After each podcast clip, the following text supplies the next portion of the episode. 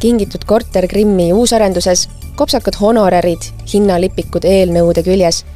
värske Ekspressi uurimine paljastab, mismoodi süstib Kreml venemeelsust Euroopa poliitikasse. sellest kõigest räägib Eesti Ekspressi podcastis ajakirjanik Martin Laine, mina olen saatejuht Grete Lehepuu. tere, Martin! tere! no mitu kuud tööd sul selle artikli ilmumisega nüüd selja taga on? Oi äh,, äh, ma olen viimased nädal aega magamata olnud vähemalt, et äh, hommikust õhtuni äh,, aga viimased äkki neli kuud äh,. eks see on ilmselt mu elu kõige suurema äh,, suurem uurimine materjali rohkuse mõttes, vähemalt nagu selles mõttes, et kui palju ma olen ise pidanud seda läbi töötama aeg-ajalt ikka ajakirjandusse lekib igasuguseid dokumente, me mäletame Panama pabereid, Pandora pabereid, kõiksugu ähm, salastatud materjali ja dokumente, mis näitavad mingisugust ähm, seninägemata mingisuguseid seoseid ja, ja annavad meile andmeid, mida meil varem pole näinud. seekord lekkisid dokumendid välja Venemaalt, mis on äh, päris haruldane vist. kuidas ähm,, kuidas sa need dokumendid kätte said? Äh, vastupidi, tegelikult ei ole üldse haruldane mm., et äh, on siin ju väljaandeid, näiteks Bellingcat, mis äh, äh, ostab Venemaalt lekkinud dokumente, mõnikord need dokumendid näevad siuksed välja, et sul, ma ei tea, miilitsajaoskonnas on keegi oma ekraanist nagu pilti teha ja taustal on näha miilitsa vormis nagu inimesi, et. et see nende nii-öelda data protection ei ole eriti nagu kõrgel tasemel, seetõttu see lekibki välja ja selle äh, sõja käigus on lekkinud nagu tohutuid andmebaase igalt poolt äh, riigifirmadest, äh, propagandasüsteemidest ja nii edasi. ja seetõttu ma neid nagu vaatama hakkasingi, et teades, et selline info nagu kuskil on olemas, et mis sealt võiks nagu huvitavat leiduda. aga see konkreetne leke tegelikult toimus juba kaks tuhat kakskümmend, kui siis äh, kuhugi Ukraina foorumisse ilmus äh, Ukraina häkkerite poolt häkitud siis Vene riigiduuma nõuniku emaili konto meilid ja neid meile on kakskümmend seitse tuhat. ja ma ütleks, ma olen enamik neist läbi lugenud, äh, vähemalt mis puudutab aastat kaks tuhat viisteist kuni kaks tuhat seitseteist.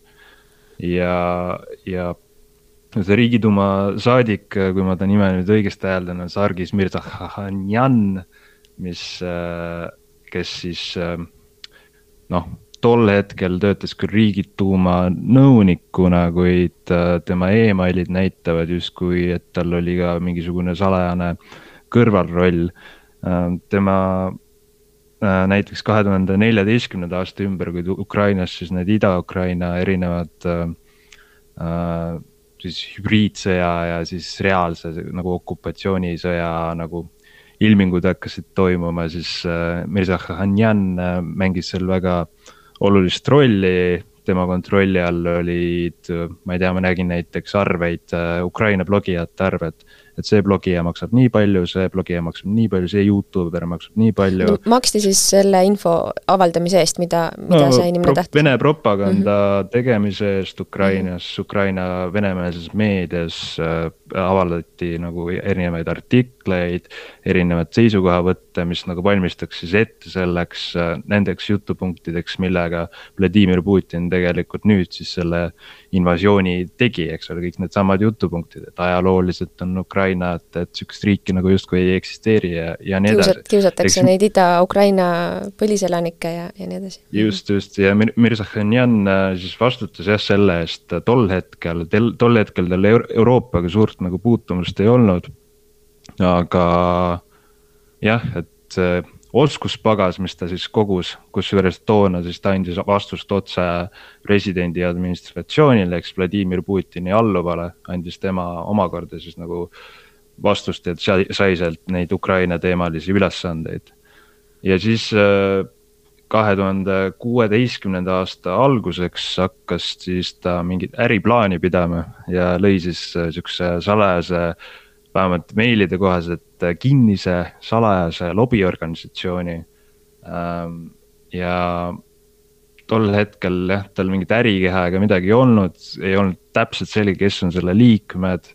kuid selle selgituste kohaselt seal, mida see organisatsioon nagu tegi, et see on, see on nagu väga-väga hämar, et äh, kirjeldavad otsesõnu, et nad on võimelised kontrollima poliitikuid Euroopas. Nad on võimelised äh, esitama jutupunkte parlamentides, äh, kohalikes volikogudes, nad on võimelised meediasse suunama tahad tellida näiteks Euroopa Parlamendi liikmelt mingisugust jutupunkti, me organiseerime selle ära. Noh, teatavas mõttes on see nagu tavaline lobiorganisatsioon, aga, aga Sargise puhul oli see häda, et paljude nende äh, plaanidega kaasnesid nagu siis äh, erinevad äh, eelarved. ja vot see teebki sellest juba sellise korruptsioonimaigulisema loo, mitte lihtsalt lobiorganisatsiooni loo. ühesõnaga paraku, meie vaatest paraku oli ta oma töös tegelikult edukas ja ta jõudiski täpselt nende asjadeni, mida sa kirjeldad, on ju, Euroopa poliitikuteni, kes esitasid siis Kremlile sobivaid jutupunkte. Lähme detailsemaks, äh, sinu artiklis on üks pilt Veneetsiast, noh, kujutame äkki Veneetsiat ette, on need ähm, äh, uhked kanalid ja enda ääres selline maja müür ja, ja ühe sellise kanali ääres seisavad äh, härrased, kes hoiavad käes Vene lippu ja teatavad, et Krimm ongi Venemaa osa. no mis on Itaalia poliitikutel tegemist Krimmi ja, ja Venemaa lipu näitamisega Veneetsias, millest see pilt räägib?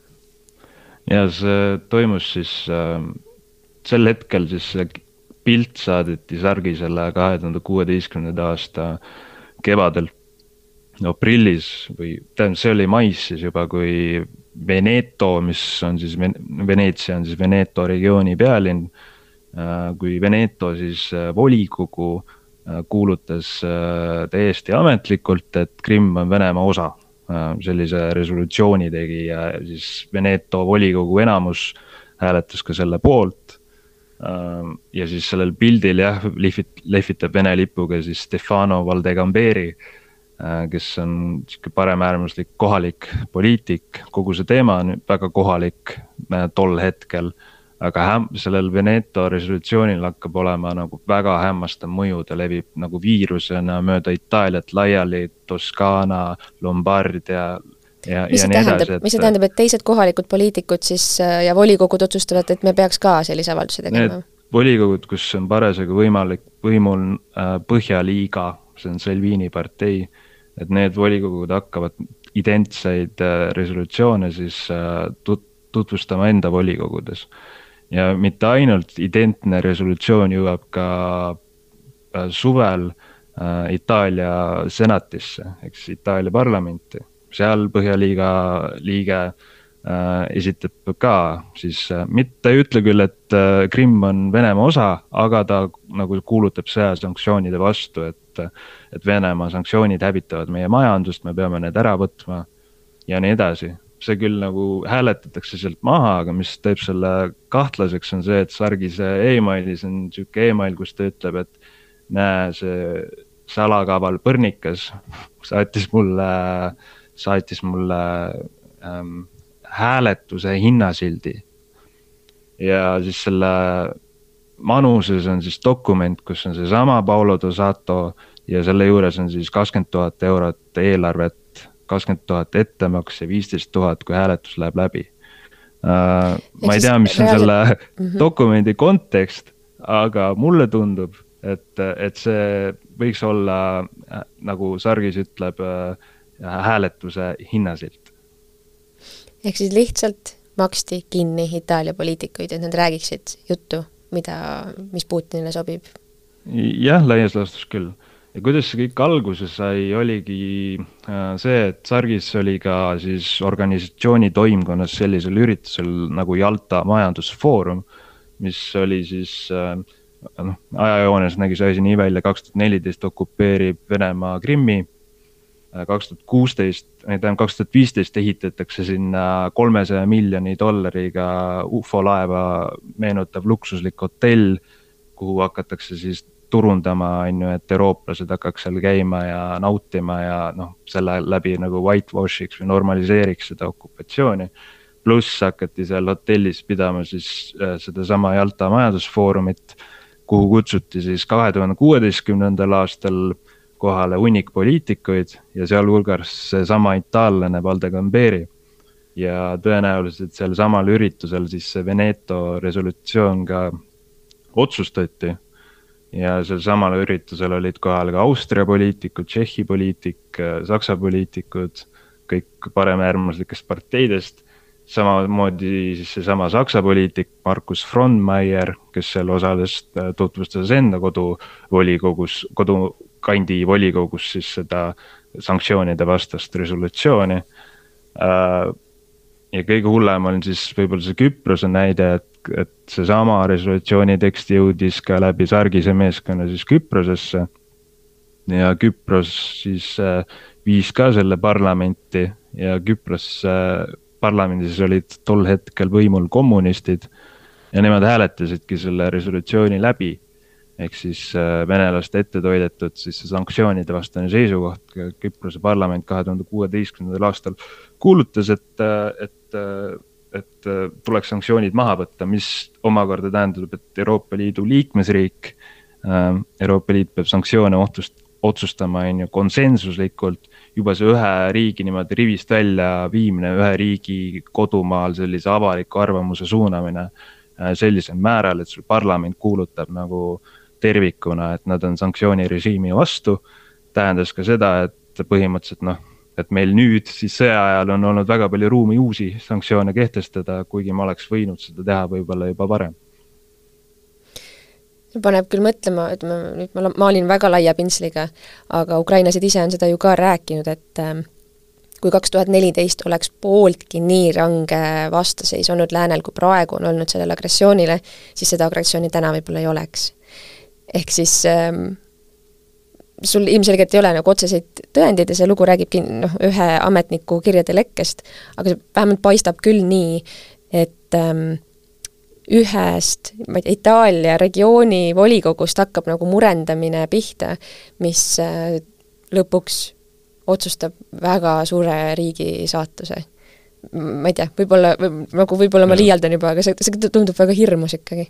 me peamegi arvestama, et see on üks pilguheit läbi teatava lukuaugu, et äh, ma olen ka kirjutanud Äh, näiteks täiesti teisest mõjuvõrgustikust, mis samamoodi kirjutas ette erinevaid eelnõusid äh, näiteks Euroopa Parlamendis, et neid organisatsioone on täitsa mitu, kes niimoodi seal sudisid. ilmselt sudivad ka praegu, et kui me vaatame neid poliitikuid, kes sealt läbi jooksevad meie sealt nimekirjadest erinevate huvitavate eelarve, arvetega näiteks see Markus Frontmeier jällegi kaks tuhat seitseteist saadab Sargisele emaili, kus ta küsib otsesõnu materiaalset toetust oma parlamendi kampaaniale.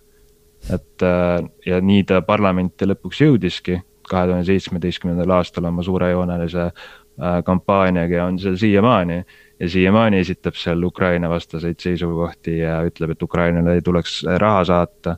Austrias on, äh, tasub vaadata, mida needsamad nimetatud poliitikud Austrias näiteks parlamendis räägivad, et nemad ütlevad, et üldse, et äh, sanktsioonid, Austria sanktsioonid siis Venemaa suunas tuleks panna referendumile. et seepärast, et need rikuvad Austria majandust. Isegi pärast sõda needsamad poliitikud on siiamaani venemeelsed, et, äh, et äh, ja see, mis sa rääkisid jah, et, et kas seda sõda oleks saanud ära hoida, kui me oleksime olnud karmimad õigel hetkel et noh, seda ei tea keegi, aga kindlasti noh, sellele sellisele komp-, komplektis kõigi teiste erinevate mõjuoperatsioonidega kindlasti suutis Venemaa seda nii-öelda piisaval määral noh, inglise keeles on hea sõna whitewash ida, aga noh, normaliseerida seda okupatsiooni, et. ja peab tunnistama, eks ma isegi vaatan seda okupatsiooni nüüd Ida-Ukrainas hoopis teise pilguga kui enne seda. et jah, ma, ma olen alati arvanud, et see on vale ja see on Venemaa okupatsioon Ida-Ukrainas aga kindlasti noh, ma olen natuke tagantjärele tark praegu, kui ma nagu seda noh, samal määral taunin kui enne seda. noh, kui ma seda rohkem taunin kui enne seda mm. -hmm et kuivõrd süstemaatiline, kuivõrd teadlik tegelikult see tegevus on olnud, kuidas avalikku arvamust on ju mõjutada. teistpidi mm, oled sa mõelnud selle peale, et need näited ka, need on, nad on tegelikult ju marginaalsed poliitikud mm kes seda raha vastu võtavad ja neid, neid eelarveid susivad ja, ja seda jutupunkti veeretavad. enamik Euroopast ju teab, et äh, venelased niimoodi manipu-, manipuleerivad meiega, teavad ja me oleme seda meelt, et, et agressioon on ka halb, et, et kui enamus tegelikult saab aru, mis toimub, siis miks sellel kõige nagu mõju ikkagi on? või miks see nii, miks on nii oluline sellest rääkida? jah, et äh, no me räägime, on ju, ka erinevatest muudest mõjudest, propaganda mõjudest, äh, ma ei tea, sotsiaalmeedia mõjudest, äh, mida avalik arvamus arvab. et kui noh, see võib meile, eestlastele tulla üllatusena, aga kogu selle projekti vältel, eks ole, ma tegin koostööd, on ju, Küprose, Itaalia, Austria ajakirjanikega.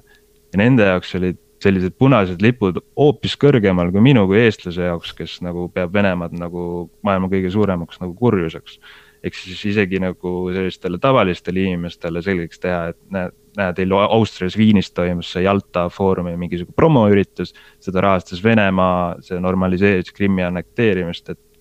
Et kas paneme selle oma draft'i kirja või mitte, et kas see on oluline või mitte, me vaidlesime selle üle et äh, aga noh, räägime avalikust arvamusest, siis äh, ma soovitan vaadata, mida näiteks itaallased arvavad äh, näiteks sanktsioonidest või Venemaast, et see, seal on see ühiskond pooleks põhimõtteliselt. et no Eestis on see ikka väga suure protsendiga Ukraina toetamise poole, aga Itaalias näiteks ei ole. Küprosel jalutasid äh, seesama partei, kes, kellest mul seal artiklis jutt on, kes selle resolutsiooni kahe tuhande kuueteistkümnendal aastal esitles. Need jalutasid ju välja parlamendis, kui Zelenskõi kõne pidas protestiks siis Azovi pataljoni natside vastu.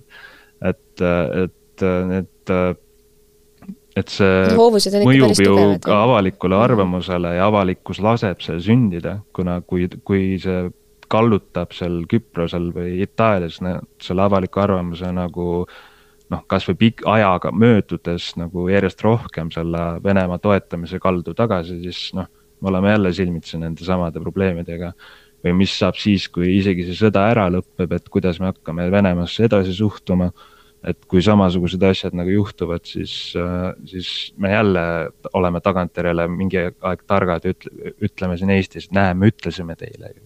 aga, aga nüüd läänes ja Lõunas-Euroopas käivadki need asjad pisut teistmoodi ja me, eestlased, võib-olla ei teadvusta seda alati endale.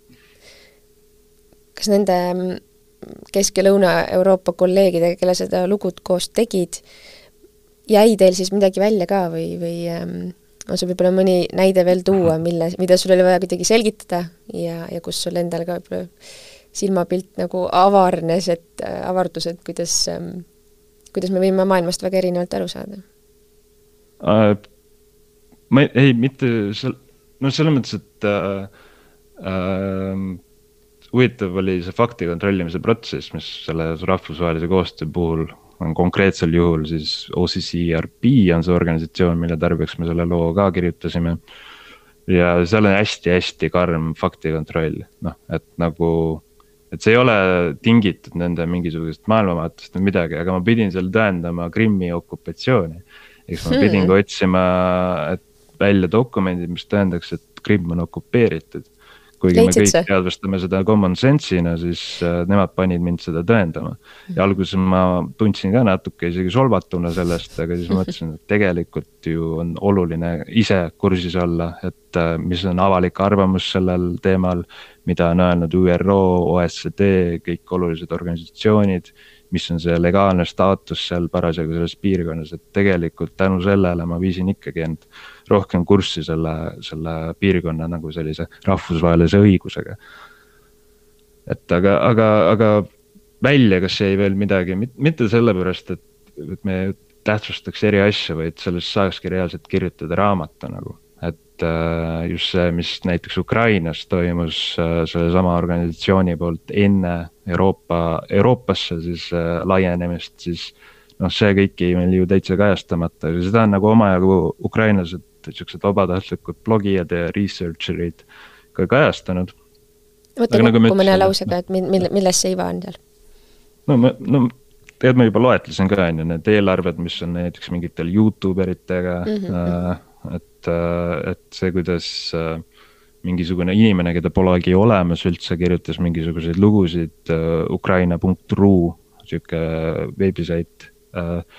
kuidas uh, oligi nagu Ukrainas väga siuksed mainstream kanalid kuidas need olid tegelikult, on ju, selle mineviku tõttu Venemaa kontrolli all ja kuidas nad nii-öelda orkestreerisid seda sisu seal nagu, nagu sihukest, sihukest nagu nii, nagu ise tahtsid.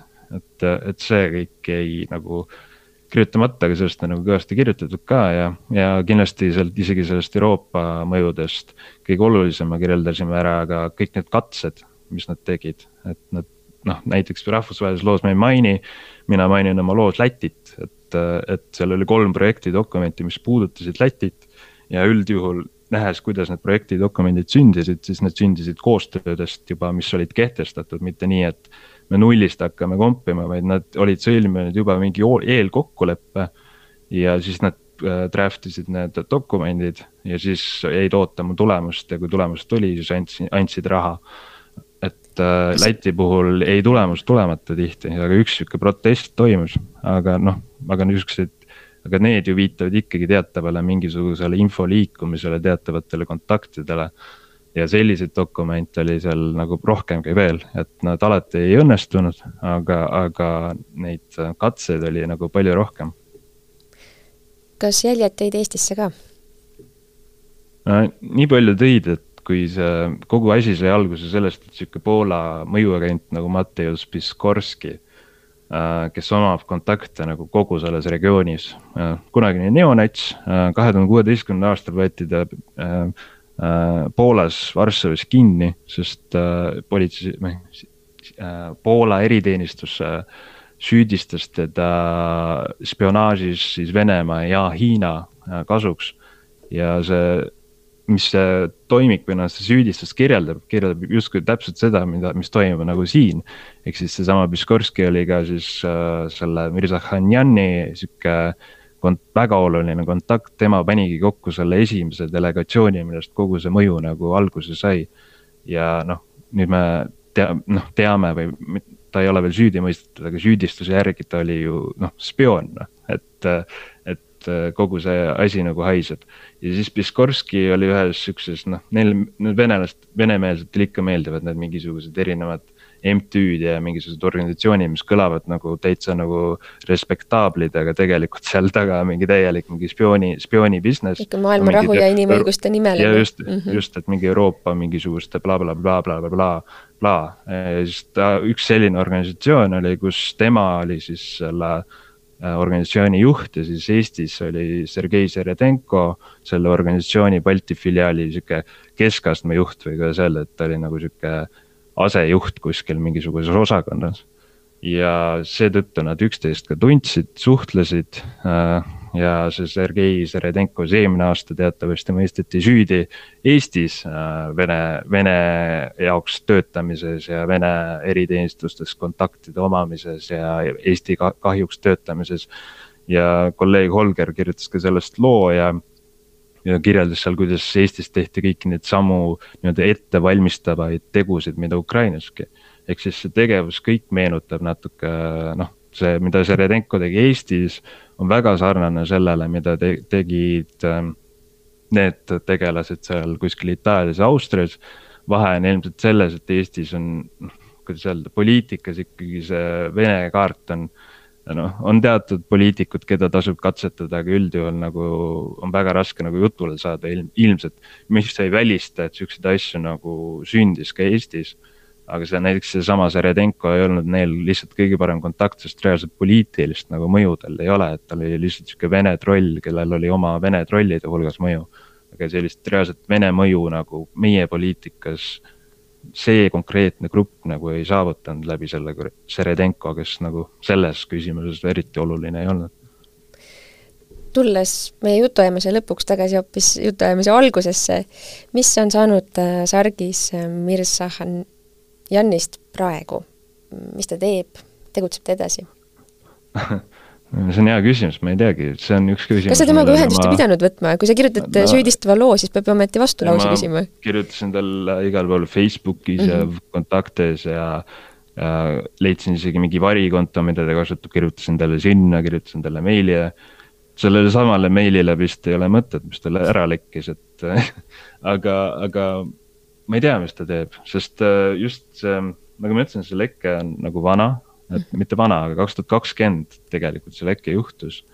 ja pärast seda ongi nii juhtunud, et, et Sargis on nagu avalikkuse eest nagu ära kadunud. ja ma arvan, et just sellesama lekkimise tõttu ta ei saagi, saanudki oma neid asju nagu jätkata. et, et oleks ju raske neid kontakte nüüd luua, kui kõik teavad, et sa oled mingisugune mõjuagent või vähemalt natukese uurimise käigus võiks seda aru saada, samas noh, need tegelased siin, poliitikud on ju et kui Piskorski pandi spionaaži eest vangi, siis jätkasid ikka sellesama organisatsiooniga nagu läbimist, et neil see nagu eriti, neid ei häirinud, aga ühesõnaga jah, ma ei tea, mis Sargis tänapäeval teeb uh,. mingeid oletusi olen kuulnud uh, ja ta kontaktis iseenesest kaks tuhat kakskümmend kaks midagi on isegi postitanud. aga noh, ma eeldan, et ta kuskil taga koridorides, koridorides jõlgub. Ja ma rõhutan ka, et see, et ta oli selle loo peategelane on tingitud sellest, et need olid tema emailid, aga see ei tähenda, et tema oli see, kes seda kõike nagu sada protsenti orgunnis, et kuskilt ülevalt poolt võisid nagu ikkagi mingid olulisemad tegelased ka veel olla.